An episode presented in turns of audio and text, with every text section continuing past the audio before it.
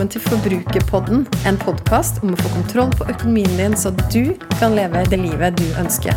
Jeg heter Kjersti Grønseth, er trebarnsmor og økonom, og er kanskje aller best kjent som forbrukerfrue. La oss snakke litt om forbruk, for alt starter med det.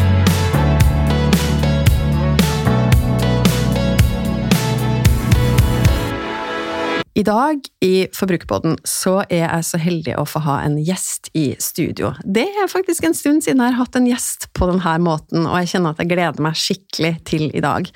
Gleder meg også til å introdusere deg som hører på, til denne gjesten. Det er en dame som sitter her foran meg nå, en fantastisk sprudlende dame som du nok mest sannsynlig har sett på en TV-skjerm eller i en eller annen sammenheng. Det er nemlig Synnøve Skarbø som jeg har som gjest i studio i dag. Velkommen, Synnøve. Tusen takk. Akkurat nå så kan det jo hende at folk har sett deg på Synnøve rydder opp kjendis mm. på TV. For det, du har kommet i gang med en ny sesong der i ja, høst. Ja, sesong to er i full gang. Ikke sant? Mm. Og så har du jo blitt kjent da, som hele Norges ryddedronning, vil jeg ja. si, de siste åra. ja. Kan ikke du fortelle litt om, eh, om hvor egentlig det starta, hele den eh, ja, den greia der? Det var, altså jeg har fått en karriere som jeg egentlig ikke hadde drømt om, og som jeg visste at jeg, eller som jeg ikke visste at jeg hadde et talent for. Men det begynte med at jeg, jeg, altså jeg har alltid vært glad i å rydde, alltid vært glad i orden og system sånn generelt i livet, men jeg har aldri tenkt at jeg kan bruke det til noe annet enn at det hjulpet meg i min hverdag. Men så, da jeg fikk dattera mi, så ble jeg, um, gikk jeg på en skikkelig smell. Ble fødselsdeprimert. Mista jobben, og det bare liksom toppa seg med krise i mitt liv. Og for å få litt sånn overskudd, eller et, bare gjøre et eller annet Jeg følte meg helt mislykka, både som mor og menneske og eh, altså arbeidstaker, for jeg hadde nå plutselig ikke jobb. Så bare for å få hodet over vannet for min egen del, så tenkte jeg at nå må jeg bare ta kontroll på et eller annet. Jeg må være flink til noe. Og da begynte jeg bare hjemme i huset mitt, og, eller leiligheten å sortere. Og bare begynte å rydde. Og så fikk jeg litt sånn fot på det, så merka at det hjalp meg eh, gjennom denne tida. Og så skrev jeg bok om det, og der eh, Altså, jeg rydder bok. Eh, og det var egentlig der denne uh, uventa karrieren tok fart. Så ble det TV-program, og så er det baller på seg. Og nå er det liksom geskjeft. Det er det jeg driver med. Det syns jeg er veldig fascinerende, og også en veldig fin historie. Og takk for at du deler. Og du, den boka di den kom jo for noen år siden, mm. men det her Synnøves system, som ja. du jo har en egen hashtag på, den har jo dukka opp litt sånn i nye former, litt TikTok. Ja. Har jeg sett at du har ja, kasta deg på? Ja, jeg kasta meg på TikTok-trenden. Helt uh, uvørent uh, gjort, for det, det, er bare Altså, jeg tok bare de ryddefilmene jeg laga sjøl hjemme, og så bare la jeg på litt musikk, og vips, så var det TikTok. Eh, så det har jeg gjort, og så lager jeg en del sånn min egen, på min egen Instagram og Facebook-sida til Synnøve System. og ja. Så det her systemet, kan ikke du forklare hva, hva går det ut på? Ja, Synnøve System, det var nå tittelen på den første boka mi. Eh, som plutselig fant ut at det var noe veldig fengende ord, da. Eller sånn, en liten hashtag. Det går kort fortalt ut på en tretrins Det er en tretrinnsrakett eh, som er på en måte oppskrifta på hvordan du skal få orden da, i hus og heim. Og det er én kvitt deg med mest mulig. To eh, gi alt en fast plass. Og tre oppretthold dette systemet. Og så er det selvfølgelig mange små eh, punkt under hvert av disse hovedpunktene, men det er liksom kjernen i systemet, og som gjør at du får et ryddigere liv. Så kvitt deg med mest mulig. Ting, mest mulig. Mm. Finn en fast plass. Gi alt en fast plass, ja. Gi alt en fast plass, og opprettholde systemet. Ja. Hva er det folk, når, når, du snakker med folk om Synnøves system, og gjerne folk som har prøvd det her, da, hva er det de syns er vanskeligst? Åh, egentlig Egentlig alt. Nei, et, veldig mange har problem med å kvitte seg med ting. For du tenker automatisk at ja, men dette kan jeg få bruk for. Eh, ja, jeg har ikke brukt det på et halvt år, men du veit aldri hva tid du trenger det igjen. Og så er det det at du er så følelsesmessig knytta til tinga dine ofte. Og dette kjenner jeg veldig godt igjen sjøl, altså. Sikkert det er vanskelig å få ting ut, men det, eh, jeg mener at det hjelper ikke å ha eh, så mye at, at ikke du husker at du eier det engang, for da er det helt vekkasta. Du må ha færrest mulig ting for å kunne lage et system som fungerer i hverdagen, da. Det syns folk er vanskelig, å kvitte seg med noe. Og så er det veldig mange som selvfølgelig sliter med å opprettholde eh, Når du først har rydda, da, hvis du først har tatt grep, så er det vanskelig å holde det slik. Du tenker automatisk at rydding er noe du må gjøre hele tida, men jeg mener at det er ikke det. Hvis du gjør det ordentlig, ordentlig en, en, gang for alle, så trenger ikke du å bekymre deg mer for det. Men det krever selvfølgelig at du eh, endrer vanene dine og tankene dine på hvordan du skal eh, forvalte det du eier. Hmm. Ja, og der er vi jo med en gang inne på litt det som jeg har lyst til å snakke med deg om også, da. Litt sånn sammenheng. Jeg, jeg vil jo jeg tenker jo at det er en veldig tydelig sammenheng mellom uh, rydding i hjemmet og mm. kalle rydding i økonomien, da. Eller ja. det, fordi at det handler så mye om vaner, som du er inne på, og ja. tankesett.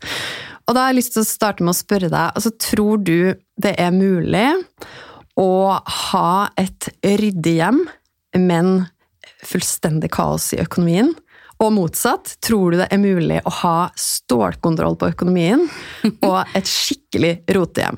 Jeg har sett mange eksempler på begge deler, men jeg tror at folk flest som er ryddige hjemme, har litt mer kontroll på altså, De kan lett overføre den kunnskapen til økonomi.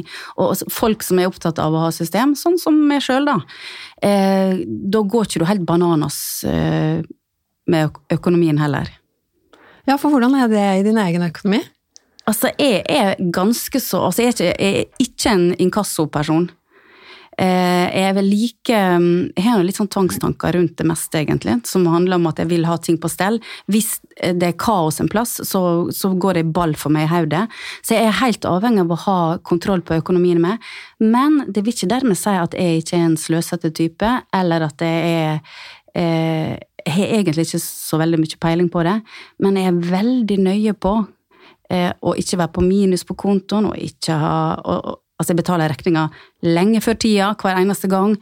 Klarer ikke å sitte og vente til eh, forfallsdato. Det vet jeg er helt feil, har jeg blitt fortalt. Men jeg vil bare at det skal, alltid skal være i null vater. Jeg må, jeg må, jeg må ha eh, kustus på økonomien, ja.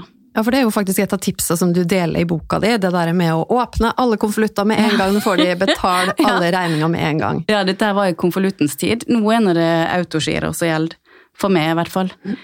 Eh, men jeg har alltid vært sånn at når jeg henter posten, så er jeg på vei inn i leiligheten eller opp trappa, så spretter jeg opp konvolutten, sjekker hva er dette her, ok, taster det rett inn på telefonen as we speak, liksom i med en gang, bare for å få det vekk. For jeg klarer ikke å ha Med en gang jeg har noe på den to do-lista mi, så blir jeg urolig.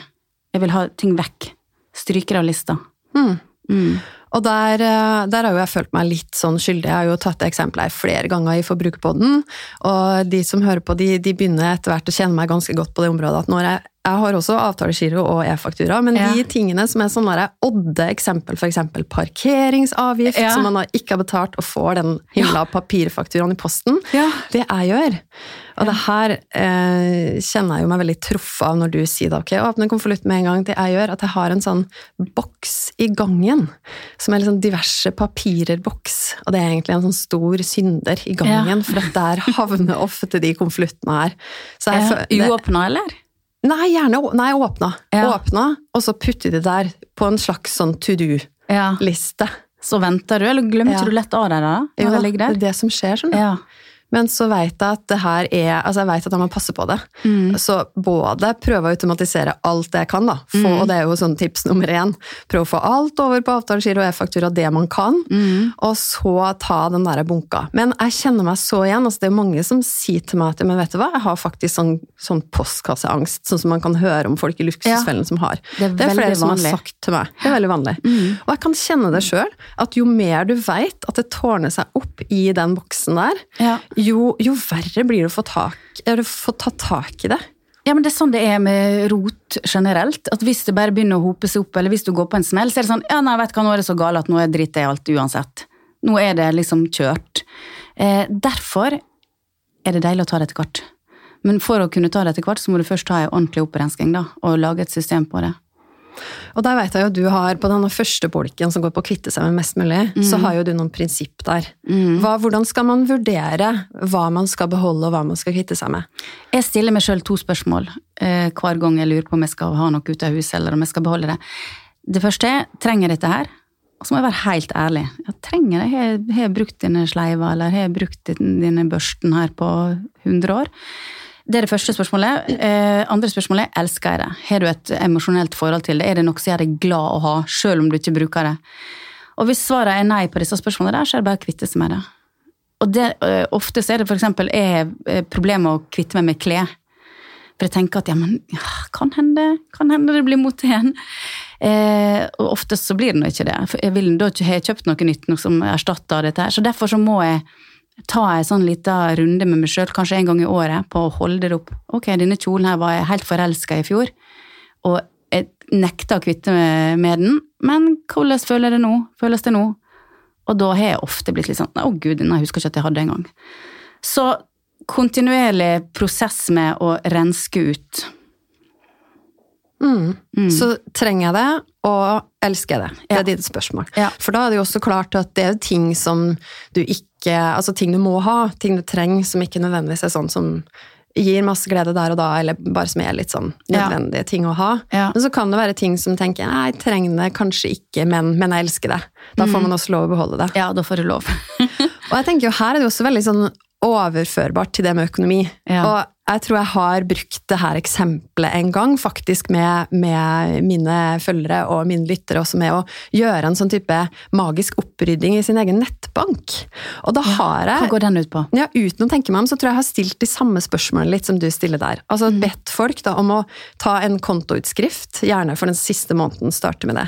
Og så se der, få litt sånn oversikt over det ene er jo, ok, er det her utgifter som jeg faktisk trenger? Er det en del av levekostnadene mine? Ja. Det er kanskje ikke det jeg betaler med mest glede, men jeg må betale for strøm, på en måte. Ja. Så det trenger jeg. Og så er den, det andre spørsmålet er jo å se på de kjøpene du har gjort. Ok, var det her noe som faktisk ga meg glede? Ja, Og hvis det var det, ja det var ok, kjør på, fortsett med det. Alle de, og sånn er det for min egen del. Jeg har gjort den øvelsen, og når jeg ser da at det står eh, 45 kroner fra kaffebrenneriet, eksempel, Ja. så tenker jeg åh, ja, det var den koppen jeg tok. Det ga Ja. meg glede.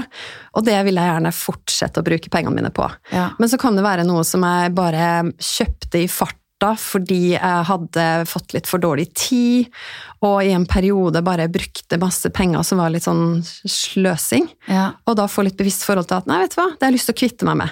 Ja. Den linja der, kontoutskriften, den Ja. har jeg ikke lyst til å ha der. Ja, eh, veldig lur plan. Men jeg tenker litt sånn at alt jeg kjøper, jeg føler nå der og da at det ga meg glede. For da er jeg litt sånn å, eh, vin, ja det vil jeg ha. Også, men i ettertid så tenker jeg så kunne jeg så godt ha dropp. Altså, men jeg, jeg veit ikke om jeg hadde klart å, å sagt at det var ingenting der som ga meg glede. Nei. Alt, gir meg, altså, alt som kan kjøpes for penger, syns jeg er deilig der og da. Ja. Ja, ikke sant? Og det er jo ofte det er interessant, for det er jo og det, Jeg skjønner veldig godt hva du mener med det, og det tror jeg jo Hvis vi ikke hadde følt det, så tror jeg kanskje ikke vi hadde kjøpt det heller. Altså, det er jo en grunn. Sånn ok, åh, nå fikk jeg lyst på det, og det ga meg en god følelse.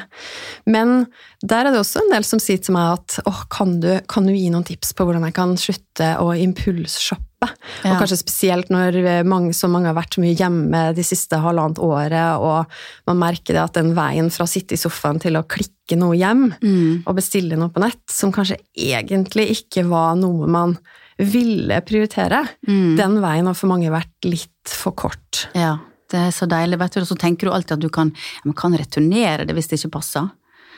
Og så blir det ofte til at ja, så blir du her du det liggende likevel. I hvert fall hvis du bestiller fra utlandet, for da blir det så dyrt å returnere. Nei, eh, der eh, har jeg noe å lære.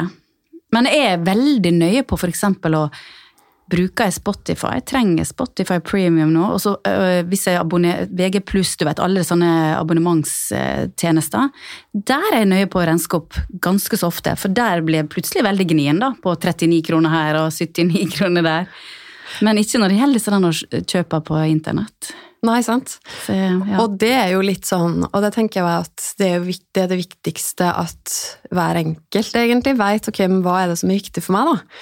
Fordi at noe som kan oppleves som sløsing for en, kan jo være noe som virkelig gir sånn genuin glede for en annen. ja. Men jeg pleier å si sånn, ok, mitt eh, lommepengebudsjett, da, eller jeg har satt av et visst beløp til mine egne lommepenger Hver, Det- nei, hver måned? hver måned, ja. Gjør du det, ja? Og det er jo ikke ubegrensa.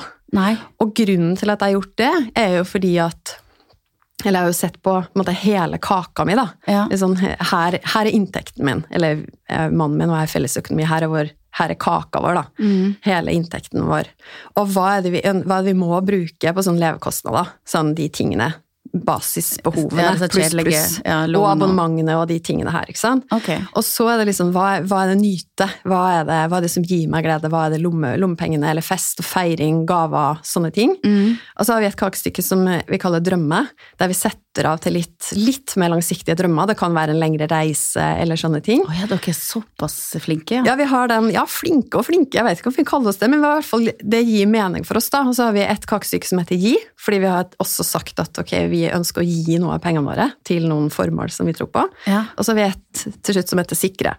Og det er jo kanskje der vi starter med å regne ut, ok, hvis vi skal betale ned gjeld, eller spare opp en buffer, eller spare til pensjon, som jo det er veldig mye snakk om, som alle syns er veldig kjedelig. Mm. Men de beløpa der, de setter vi jo gjerne av litt sånn først. Så har vi de i det sikre kakestykket. Mm. Og så blir jo konsekvensen da avhengig av hvor stor den kaka er til enhver tid da, med inntekten vår. Hvor mye er det vi ønsker å bruke på de ulike delene. Og da veit jeg ok, det her er det beløpet jeg har å bruke på mine lommepenger, Mm. eller flere av de andre tinga. Og det det gjør med meg, er at da veit jeg at ok, men hele økonomien min har, da har jeg på en måte sagt til pengene mine da, Ja. at det her er viktig for meg, og det her er viktig, og det her er viktig. Og konsekvensen av det for meg er jo at det er jo ikke ubegrensa på mitt eget lommepengebudsjett. Så tror jeg også jeg blir veldig sånn blir veldig opptatt av nettopp det spørsmålet som du stiller. da. Er det her noe som gir meg glede? Ja. Fordi Hvis ikke så gidder jeg ikke å bruke penger på det, for da vet jeg at da har jeg ikke penger til det som faktisk gir meg noe. Ga det mening? Ja, veldig. Men eh, når du bruker av lommepengebudsjettet, må du da si fra til mannen din? Sier dere eh, felles økonomi? Vi har felles økonomi minus, altså bortsett fra lommepengene. Ok, så du det er kan helt eh, privat. akkurat det du vil med dine? Akkurat det jeg vil med mine. Og der har han også sagt, han er veldig sånn romantiker, han har sagt, vet du hva, det har jeg lyst til at, jeg vil, jeg vil ikke at du skal se inn i mine lommepenger, fordi at jeg vil overraske deg. Oi, med, med gave til det? Ja, for eksempel. Å herlig, så han bruker sin eh, lommepengedel på Ja, fine ting alltid. til det? Nei. Ikke alltid. Nei. Nå hørtes det på en måte Ja. litt Men av og til. Han Ja. har lyst til å ha den muligheten. Hva har du fått, da? Få høre et eksempel. Han liker å overraske meg med opplevelser. Ja. Og han er veldig god på å finne sånn den konserten der som jeg bare tenker «Åh, Det hadde jeg ikke tenkt på engang at jeg har lyst på, men for en gave! Liksom fantastisk. Eller det har vært sånn spa eller sånne ting. Oh, ja. For en bra mann, da. Sånn velvære. Ja, Ja. så, ja nå Hvis han hører på nå, så blir han Ja. veldig glad for at det ble tema i den poden her. Fjær i hatten til han. Veldig fjær i hatten til han. Mm. Ja, så Men ok, når vi først er inne på det med forhold, da, Ja. så veit jeg jo at du også har vært litt opptatt av det med at rydding og rot Mm. det er typisk sånn krangletema i forhold. Og det Ja. er jo også økonomi. ja. Begge de. Men kan ikke du si liksom, hva er typisk sånn For krang, nei, rot og rydding er ganske høyt på lista, er det ikke det, over krangletema i Ja, vi er på krangletoppen, vi i Norge. Eh, jeg tror vi kun er slått av finnene. Eh, sånn sett, Europa sett under ett. For at vi, 80 av eh, norske par krangler om husarbeid. 80 det, Ja, det er høyt. Det er veldig høyt. Eh, og det er veldig mye sånn kjekling frem og tilbake. Nå er det din tur. Og det kjenner jeg veldig godt igjen gjennom alle mine forhold opp gjennom livet. Så har nå jeg alltid vært hakket mer glad i å ha det ryddig enn de jeg har bodd med. Og det blir nå en sånn irritasjon som du kan klikke av til slutt. Um, så det er helt normalt, kan jeg bare rapportere om. Eh, og da gjelder det å finne en løsning på det, da, og det er noe lettere sagt enn gjort. For det, det, det er liksom Du kan gjerne sitte og planlegge ting, og ja, nå skal vi skjerpe oss begge to, og sånn, og så sklir det litt ut. Men min løsning på det har alltid vært å bare fordele oppgavene i huset. Vær helt sånn, hva er det du liker å gjøre egentlig? Hva er det du syns er greit å ta tak i? Og hva er det jeg liker? Og så har vi bare sagt ok, det er din jobb, det er min jobb. Og da er det så mye lettere, da, vet, da har du det å forholde deg til. Og hvis ikke du er fornøyd med måten han eller partneren din gjør det på, da må du nesten ta i litt ekstra sjøl, da. Og jeg syns det er greit. Mm. Jeg har i hvert fall funnet ut at det er veien å gå for i mitt liv. Ja, Sånn at man har helt klare ansvarsområder. Ja. Ja, da funker det. Ja. Da er det Eller det, jeg vet ikke om det funker for alle, men det har i hvert fall funka bra for meg. Men det er nå litt for at jeg er interessert i å ha det ryddig, da. Jeg orker ikke jeg, da, da gidder jeg ikke å være så prinsippfast på at det skal være 50-50 og sånn. Det er bare sånn, greit, da får jeg ta mesteparten av det. Det går fint, så kan han, eller, så kan han gjøre noe annet. Mm. Som jeg syns er pes. Men hva hvis man er veldig veldig forskjellig på det, da? Altså hvis man da, ok, La oss si at vi velger den løsningen der, og så deler vi det. Og så deler vi ansvarsområder. Ja. Ikke nødvendigvis 50-50 heller, men uh, la oss si at den som er mest ryddig, tar litt mer, da. Ja. Kanskje naturlig. Og så er det sånn at den andre, som da er minst ryddig, Ja. den ser, har egentlig ikke helt det samme blikket. Så den Nei, kan jo ha utført sin plikt på et vis, og sitt ansvarsområde. Eller bare sine egne van, daglige vaner. Mm. Og så er ikke det helt sånn etter, etter standarden til den som mest ryddig, da. Ja, eh, da må en nesten, eh, som jeg sa, at da må du enten bare finne deg i det, og så bare tenke sånn, ok, slik er vedkommende, jeg får ikke gjort noe med det, eller så må du ta i enda mer sjøl. Og bare, e- eventuelt skilsmisse.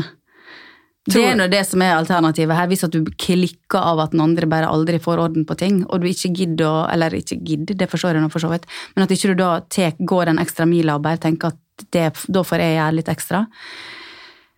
Altså, Tror du det går så langt for noen at det med Ja. rydding og, og rot Nei, jeg tror ikke at rydding i seg sjøl kan være en skilsmissegrunn, men det er nå ofte et symptom på at andre ting også Da, det, da blir det mye lugging i forholdet hele tida. Eh, og i verste Jeg husker jeg snakka med Katrin Sagen, eh, som er samlivsterapeut, om akkurat dette der. For da spurte jeg er virkelig rot en skilsmissegrunn. Så sa nei, ikke i seg sjøl kanskje, men hvis det noe, handler om mangel på respekt for den andre Hvis du sier til partneren din at vet du hva, jeg er veldig opptatt av at vi har det sånn noenlunde, eh, kanskje ikke strøkent, men at det er kontrollert her. Og hvis eh, han da i dette tilfellet ikke har respekt for at du faktisk syns det er viktig, så, så føler du det er dårlig behandla, og så kan det balle på seg, og så blir, det, blir du irritert, og så blir du kanskje aggressiv, og så går det utover forholdet generelt. Men kun ro, hvis det er drømmemannen din, men han er rotete, så er det absolutt ikke noen skilsmissegrunn nei, i seg sjøl. Men der er du litt inne på det, og du snakker jo om at du har eh, ja, fått tips fra samlivsterapeuter og psykologer, og det med å Det vet jeg også at du har vært opptatt av, det med å sette ord på de følelsene rundt det, da. Ja. At man setter seg ned og tar den kanskje litt sånn tøffe samtalen, for det kan jo være hvis man er en person som trenger å ha det ryddig, og så Mm. er, bor man sammen med en som bare Ok, du forstår meg ikke. Nei. Altså, Du forstår ikke behovene mine her, men å sette seg ned da og bare sette ord på det på, Ja, Kanskje litt sånn åh, men jeg føler jo faktisk at Ja, for veldig mange tenker at ja, men hallo, det er bare ting. Det er ikke, det er ikke viktig. Men for veldig mange så er det viktigere enn de tror. Det, du må på en måte ta det opp som et tema på lik linje med andre ting som er alvorlig i et forhold, og få den andre til å forstå at dette her er veldig viktig for meg. Men du må nå selvfølgelig veie det litt opp mot eh, den personen generelt, da. Kanskje bidrar den med noe helt annet som, du, som er enda viktigere. Altså Kanskje tar han seg ekstra av ungene, kanskje er han eh, verdens beste fyr å prate med generelt. Og da er ikke det vits å begynne å negge om at ikke du støvsugde slik som jeg ville at du skulle gjøre det. Men du må, du må bare rett og slett bare sammenligne hva er viktigst for meg i dette forholdet. Har du hørt om eh, begrepet økonomidate før? Aldri. det har ikke jeg vært på. Jeg tror, du har ikke vært på det? Nei. Du har aldri blitt invitert med på økonomidate? Aldri? Hva, fortell, hva er det? Ja, jeg tror det er jeg som har funnet på det. Ja. Men det handler jo om litt av det samme. Altså, egentlig det å enten hvis man er i et forhold, da, å finne et felles språk, finne en arena for å snakke med partneren Ja. om økonomi. Og, og gjerne starte der med å sette ord på hva som er viktig for en sjøl. Ja, men vi snakker ikke på første date. Hei, vil du på date? Ja, da tar vi en økonomi. Da starter vi friskt ut med en økonomidate. Ja, da tenker jeg at du skal være heldig hvis du finner din match, Ja. som er Ja. Ja, for det er, litt sånn, det er litt sånn skamfullt tema, syns jeg, å ta opp i et forhold. Sånn, I begynnelsen i hvert fall i et forhold, så er det litt sånn at du bare Hvem er det som er det, skal, skal vi dele? Skal du spandere? Skal jeg spandere? Altså, det er litt vanskelig, dette der. Og så er det litt sånn Du kan ikke ta det opp i begynnelsen heller. Nei. Nei. Nei, hva tenker du? Når er det innafor å begynne å snakke om økonomi med en Nei, potensiell eh, framtidig partner? Det er når det blir alvor, tenker jeg. Du merker, du klarer nå liksom å Det er bare å gå rett inn på skattelisten og sjekke litt, ta lite sjekk, en liten sjekk før Gjør du det? Å ja, altså skattelistene, at de ble sånn eh, hemmelige, det var den største krisa i mitt liv. For synes, men bare for at jeg elsker noe generelt, bare se hva er det folk tjener egentlig, bare se. Du vet er ikke hemmelig, eller du kan gå inn. men Ja, du kan gå inn, men det, da ser de det, og det er det. Det vil jeg nå nødig oppleve. Men jeg, jeg tok en liten sjekk på meg sjøl. Sånn, hvem er det som sjekker min økonomi, egentlig? Bare ukjente navn. Men er det mange? Eh, sist, det er kanskje et år siden jeg sjekka, det var ganske mange, ja, men det var ingen jeg kjente. Men jeg visste ikke jeg, Det var ganske vanskelig å finne ut at der du kan sjekke hvem som har sjekka. Så det er kanskje et lite smutthull likevel. Kanskje han kan gjøre det. Ja. Ja, hva, hva er det du er nysgjerrig på da? Når du går inn på skattelisten? Nei, bare, bare få oversikt. Er det helt katastrofe? Og så liker jeg å, å sjekke fødselsåret på folk. Jeg, altså jeg kan sjekke, Hvis jeg ser noen i avisa som det ikke står alder på, så blir jeg lurer på hvor gammel er denne personen der. Lite drøtt på Mac-en, og vips, så får du opp fødselsåret. Derfor der er du sikra. Der får du eh, fasitsvaret. Ja. Nei, det er noe, Jeg syns det er interessant ja, å vite hva folk eh, har å rutte med. Men snakker du med venner, vennene dine, dine nærmeste om økonomi? Ja, det er det. Jeg jobber nå med ei av mine aller beste venninner, så vi, vi må måte, vi må nå ha en viss kontroll på inntektene. Så ja, ja, vi snakker om det, men det er ikke slik at det, det er ikke sånn kom på jentekveld og vin, nå skal vi snakke økonomi. Det er ikke vi. Nei? Nei, men vi snakker nå litt sånn jobb og uh, inntekt og hva vi bruker penger på og sånn, men, det, men det er ikke Altså, det er kanskje Det er langt nede på prioriteringslista i venneflokken. Hva med sparing og investering, da? Nei, det snakker vi aldri om. Nei, det snakker vi aldri om. Nei, men det, det Gjør du det med dine venninner? Nei, vet du hva? Det er jo interessant, for jeg snakker jo veldig mye om det sånn i sosiale medier, og, og mannen min og jeg, vi snakker jo mye om det, da. Men Ja. faktisk, i vennegjengen, der syns jeg det er liksom siste lille kneika, altså. Ja, du syns det er sånn- vanskelig å snakke om det, eller du syns det er kjedelig? Det vanskelig. Nei, jeg syns ikke det er kjedelig. Ja. Men det er litt sånn, ok, hvordan starter man en samtale uten at noen Eller jeg vet ikke. Kanskje føle Altså, det blir fort sånn derre Ja, det, Det blir fort sånn Å, det burde jeg gjort. ja. Eller å, å nei, ikke begynn å snakke om det. fordi ja men føler du det er tabu? Lite grann. Og så er det kanskje også fordi folk vet at jeg snakker relativt høyt om Eller er opptatt av personlig økonomi, da. Så Ja. får jo jeg av og til noen kommentarer sånn Ja, vi, vi føler jo at vi burde egentlig satt av mer til pensjon, eksempel, men åh, eh, sorry, altså, det har vi ikke gjort. Ja. Nesten beklage seg. Men eh, nei, jeg- vet ikke. Jeg føler at sparing det er et tema som jeg aldri snakker med noen om. Og det er ikke fordi at jeg er redd for det, men det er bare så kjedelig. Men investering, det kan vi snakke om. Hvis du for skal kjøpe leilighet Nei, det var kanskje ikke det du tenkte på nå, du tenkte Jo. mer sånn aksjesparing og sånn. Det også, men jeg tror det å snakke om bolig Og Ja. der kan man også spørre, der er det veldig åpent. Der er det lov. Hva, hva Ja, betalte ja. du? Ja, ja, ja. Men Hvor mye lån har du? Har du spurt noen om det noen gang? E, ja. Hvor mye lån det er? Ja, ja, det spør jeg folk på min vei om. Ja.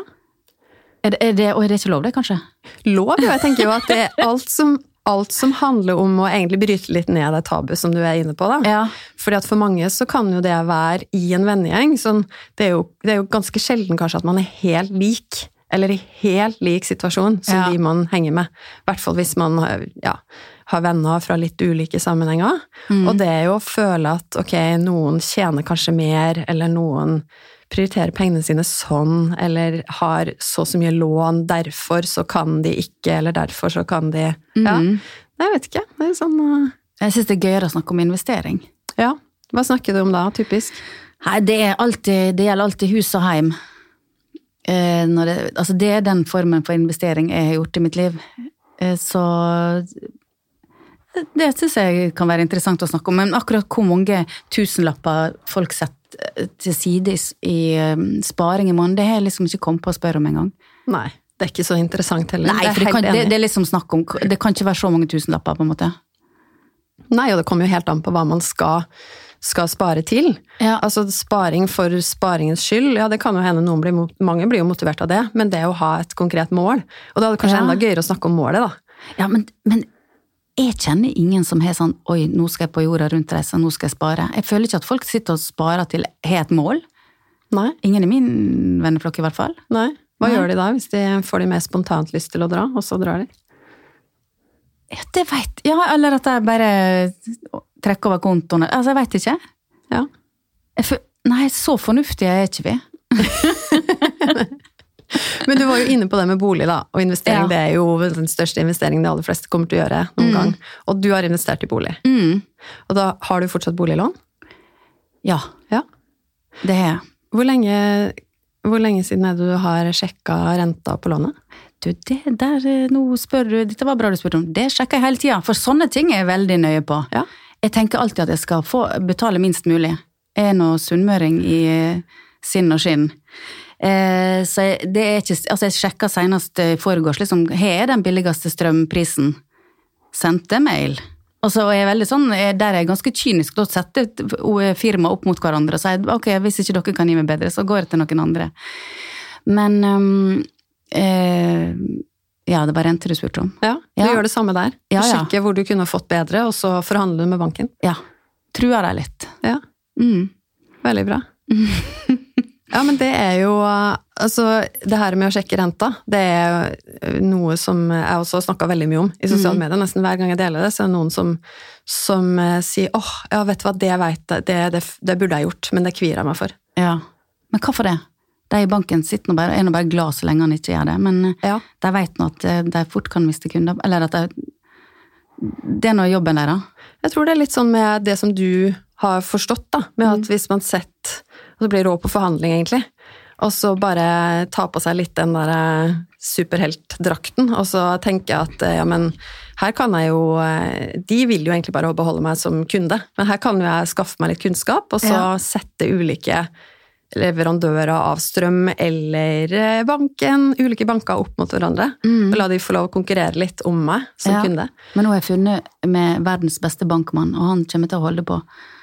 Så, så da blir jeg litt mer sånn, men, men da, jeg kan allikevel si at nå har jeg fått bedre rente en annen plass. Du kan det, vet du.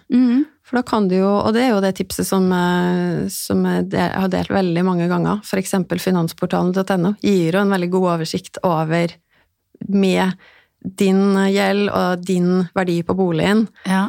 Og din, hvor mange år du skal betale ned, så kan du taste inn med noen få tastetrykk, og så ser du ok, hvor kunne jeg fått beste renta. ja hvem som er den beste renta nå, da? Nei, det kommer helt an på. Oh, ja, okay. kommer helt an på hvilken situasjon man er i, Mm. og med de opplysningene.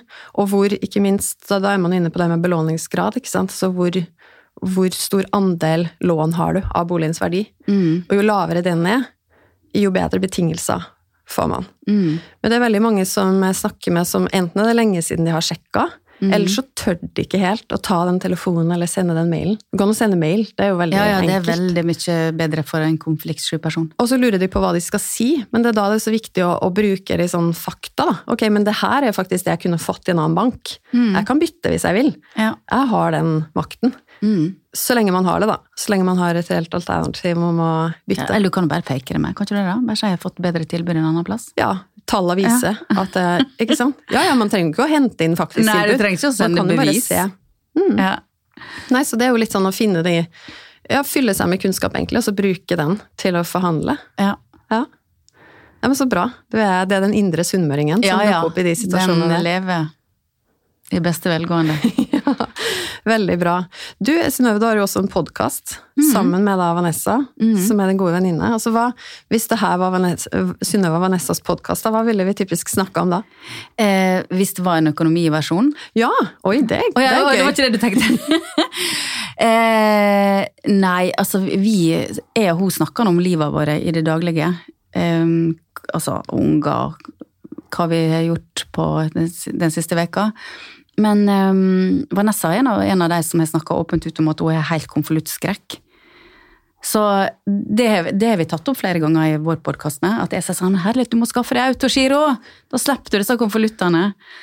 For hun har bare helt sånn vegring mot å faktisk åpne opp en konvolutt og betale en regning, selv om pengene er på kontoen, liksom. Så der eh, jobber jeg med saken på at hun skal bare forstå at du trenger ikke å gjøre det. Du kan gjøre livet veldig mye enklere for deg sjøl hvis du bare tar og taster inn. Så jeg har tilbudt meg å fikse det for henne, men foreløpig har jeg ikke gjort det. Nei. Nei. Hva er det som hindrer henne? Eh, hun eller meg i å gjøre det? Nei, hun har sagt sånn 'du skal få hjelpe meg'. Ja, greit. Skal to etterpå, kanskje jeg skal ta affære, da. Det er bare å finne tiden, egentlig. Ja, egentlig finne tida og finne fram eh, bank-ID-brikka. For jeg tror ikke hun har fått seg bank-ID heller. For det er jo litt sånn, er det ikke det, med både økonomi og, og rydding. Det er litt sånn, Vi kan gå inn for landing av episoden her nå. Det er veldig inspirerende Mm. å prate med deg. Og når vi både snakker om det med å ta tak i økonomien og Ja. det med å ta tak i rot, så Mm. er det jo litt sånn ah, det er, Vi veit jo hva vi bør gjøre, gjør vi ikke det? Mm. Jo, vi Men så er det. likevel litt sånn som Vanessa, da. At åh, men det er et eller annet som hindrer. Ja, det er denne der angsten for at du Altså, når noe er helt sånn uoverkommelig, og det, det er for mye som ligger der allerede. Eh, ja, hva skal han gjøre da? Da tenker jeg at han kan begynne i det små. La oss si da, for eksempel ta eh, oppgjør med alle apper når du er på telefonen. Bare begynne der, slette litt. Finne ut hva er det du bruker, hva er det du trenger. Betaler du dobbelt opp på Netflix? For veldig mange gjør nå det, for eksempel hjemme. Når du er samboer eller noen andre i familien har det, så har du liksom plutselig mange abonnement som du ikke er klar over. Begynner med noe sånn smått, og så eh, kjenner du det på den gleden. Det er bare 'Å, oh, nå har jeg regnskap der'. Ok, nå kan jeg ta det et skritt videre. Og så fortsette. Til slutt så må du ta denne vanskelige for eksempel forsikring. Det syns jeg er drita kjedelig. Det er sånn min konvoluttangst, å ta grep rundt eh, Har jeg feil forsikringer? Kan jeg få det billigere? For det virker så Det er pes. Ja. Så det, det er et område som du syns er litt mer krevende å ta tak i enn ja, det med renta for at og jeg strømmen forstår og sånn. ikke noe på det. Jeg forstår ikke meg på det. Jeg forstår ikke liksom altså det, Så kommer det alltid noe sånn ekstra i tillegg. Hvis du skal slutte, eh, hvis du skal skifte over, da så er det sånn ja, vi gjør jobben for det. Ja, men så kommer det alltid en sånn ekstraregning i posten som jeg ikke var forberedt på, så da går vinninga opp i spinninga likevel. Eh, sånne ting gjør meg gal. Mm. Mm. Og det tror jeg mange kjenner seg igjen i. Både Ja. på det temaet, og det er jo ulike tema der vi bare kjenner at åh, det, der knytter det seg litt. Men Mm. jeg tror litt det er det samme som du sier, med, også med både ryddingen og, og det med å ta tak i, egentlig uansett om det er forsikring som er det krevende området, da. Bare få litt sånn oversikten først. Mm. Ja, litt Begynne sånn som, med det som er lett. Ja, Mm. og kanskje da med forsikring. Ok, finne ut hva har jeg i dag. Ja. Bare, og det har jeg gjort sjøl. Bare sånn ta et ark og så skrive ned alle de forsikringene som jeg har. Både de jeg betaler for, og de jeg kanskje har gjennom jobb. Ulike Ja, og bare finne ut hva, hvilken dekning har jeg. Mm, har jeg dobbelt opp av reiseforsikring, Ja. for? Ikke sant? Ja. Og så bare få den oversikten. Og gjerne, da, hvis man har en arbeidsgiver, nå jobber jo du for deg sjøl, men så har man jo gjerne noen forsikringer som er dekka der. Mm. Og ta den der telefonen til eh, personalavdelingen HR på jobb og finne ut ok, hva har jeg egentlig. Ja. Det er mange som ikke gjør det. Nei. Fordi at det er litt sånn åh, nei, det er så stort tema. Ja. Men bare begynne. Ok, få den oversikten. Hva har jeg? Og så finne ut da Altså, mitt inntrykk, man, hvis man snakker med en, tar en tilfeldig samtale med en forsikringsrådgiver, eller en selger i et forsikringsselskap, Mm. så kan man bli superovervelda, for at du føler at alt kan gå galt, og alt sånn der. Ja. Men jeg kjørte en sånn runde, brukte noen sånne anbudstjenester, og fikk ulike til å ringe meg opp. Og så snakka jeg også med jobb, og fikk liksom, tok den der, skrev ned hva er det jeg har, hvilken dekning har jeg, hva er det jeg betaler for det. Og så tok jeg da samtalen med én og én av disse forsikringsrådgiverne. Og jo mer de skjønte at jeg hadde kontroll på mine egne tall, at jeg også hadde en sånn tanke og en sammenheng mellom hva er det som er viktig for meg, og hva er det jeg ikke trenger å forsikre, Mm. så jo bedre samtaler fikk jeg med de, jo mer føler jeg de gikk over fra å være en sånn 'alt kan gå galt', og Ja, tenk om skilsmisse, og tenk om liksom alt sånn der, Ja. som var i første samtalen, til å faktisk få litt sånn god rådgivning. Men hvis du hjelper meg å se på helheten i min livssituasjon, Ja. hva er det jeg faktisk trenger? Og da husker jeg så godt den tredje eller fjerde samtalen jeg da hadde. Ja. Da, da følte jeg at jeg fikk gode råd. Ja, jeg skulle ønske at det fantes en uhilda person som ikke var tilknyttet noe selskap, jeg, som kunne hjelpe meg. For jeg føler at når jeg sitter og snakker med If eller med Gjensidige, eller hvem det nå er, så tenker jeg at ja, du vil nå bare mele din egen kake. Jeg vil ha en person som er helt uavhengig, som kan fortelle meg ok, jeg får høre hva det er du trenger. da skal vi se, da bør du ha, bør du ha det selskapet. Mm. Fins det? Det fins jo sånne sammenligningstjenester, da. Ja, men kan- de syns jeg blir for uoversiktlig for min smak. Mm. Der du, og det, men det handler jo ofte om altså Min erfaring er jo Ja, du kan jo selvfølgelig få en, en økonomirådgiver da, til å si ok, men basert på hele din Mm. livssituasjon og sånn og sånn, du har så mye buffer, du har de og de tingene sånn, så vil det lønne seg for deg. Altså noen forsikringer er jo med, altså, som står i liksom kategorien må, altså sånn Mm. type uføre, forsikring, altså de tingene som virkelig, altså hvis man mister all inntekten sin, tenke litt sånn der, hva er det som virkelig kan gå galt da, Mm. og hvilke konsekvenser, eh, sånn, en ting er jo sannsynligheten for at det skjer, og det andre er jo konsekvensen hvis det skjer. Ja. Sånn for eksempel så er det jo ganske lav sannsynlighet for å oppleve en brann i boligen sin, men konsekvensen hvis det skjer, er jo enorm. Så man må jo selvfølgelig ha boligforsikring, innboforsikring. Men det er ikke sikkert på innboforsikringen at du trenger å dra på med liksom millionbeløp der. Nei. Det kommer jo helt an på litt tilbake til hvis man har gjort en opprydding. Ja, så er det jo ikke sikkert man har så Og så tenke gjennom de tingene, da. Ja, ok, men da trenger jeg ikke, selv om det der heter superforsikring, eh, bla, bla, bla, så er det ikke sikkert at det treffer mitt behov. Nei. Så men at mine erfaringer på forsikringsområdet Så ja, du kan, du kan sikkert også få noen som bare sier det, Mm. men det Jeg syns i hvert fall at det, det gir en god Det gir en tilfredsstillelse også å ha tatt litt sånn Tatt Grep tak i det sjøl. Ja, da, skjønner du hva jeg mener? Ja.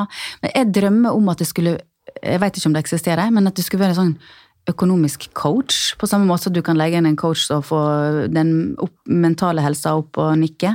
Så skulle ønske at det var noen som bare kun som ikke er regnskapsfører, som ikke jobber i bank, som ikke jobber med dette her fra før, men som kun sier sånn ok, få se på det. Hvordan er ditt liv? Hva er det du trenger? Og så bare liner det opp for meg. Ja. Fins det? Der har du en nisje. Der har du en bok. Veldig bra. Da, men det er jo interessant at du sier coach, da, fordi at en coach, hva gjør en coach? Jo, den tar jo gjerne utgangspunkt i et mål du har, Ja. og så hjelper deg til å egentlig finne svarene sjøl. ja. Er det det du vil ha? Eh, ja. Eller jeg veit hva jeg vil ha, men eh, jeg vil ha noen som bare gjør det for meg. Du vil ha noen Ja. Noen som setter opp eh, planen. For jeg synes jeg er altså, Nå høres det kanskje ut som jeg har sånn kontroll på dette økonomiske greiet. Bare jeg skal snakke med regnskapsføreren min, så får jeg sånn at det, det svimler for meg, det prikker i kroppen, for jeg skjønner ikke orda som kommer ut av munnen der. Bare ordet debit vet jeg nesten ikke hva det betyr. Skjønner du? Ja. Jeg er på det nivået. Og når de begynner å snakke om ja, men det kan du trekke fra, og der er det moms Det svartner for meg. Jeg forstår ikke det. Og jeg har prøvd, og jeg har lest, og jeg har til og med tenkt jeg skal gå kurs, men det bare jeg detter ut. Får ikke det med meg. Jeg vil ha noen som bare forteller det med vanlig norsk språk. Eh, det er nesten sånn at vi må tilbake på du har ti epler her. sånn som det var på barneskolen. Ikke sant? Så jeg hadde um, gjerne ønsket meg det, ja. Mm. Mm. Og så driver jo du eget, og det er jo Det- ja. mer komplekst enn å drive familien AS Ja, også, der man har en inntekt fra en arbeidsgiver. ja jeg har ikke pensjonsordning, for eksempel. Sant? Det får du vel helt ståpels av å høre.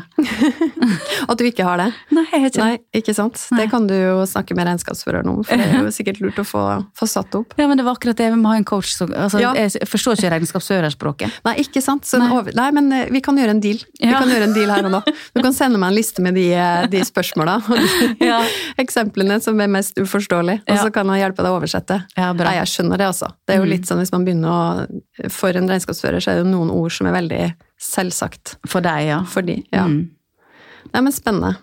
Du, Synnøve, tusen takk for at du ville komme til Forbrukerbåten. Takk for Og at jeg fikk komme. Og snakke både om rydding og rot, og litt om eh, din økonomi, dine økonomiske råd. ja. Veldig bra. Nei, men gjør det. Send meg den lista, så skal vi se på det sammen. Så tar jeg den ideen med meg om en eh, økonomicoach som Ja, skal da tar jeg 20 Deal. Veldig bra. Du, og så ønsker jeg deg masse lykke til videre. Du har jo en sesong som ruller og går Mm. litt videre, og med dine spennende prosjekt. Takk skal du ha. Takk igjen for at du ville komme. Jeg vil gjerne vite hva du tenker etter å ha hørt episoden. Så koble med meg på Instagram. Der finner du meg som Forbrukerfrue. Send meg en melding. Tagg meg gjerne i story og del episoden her hvis du likte den. Eller send meg spørsmål. Og husk å abonnere på podkasten Forbrukerpodden, så får du beskjed hver gang det kommer en ny episode. Vi høres!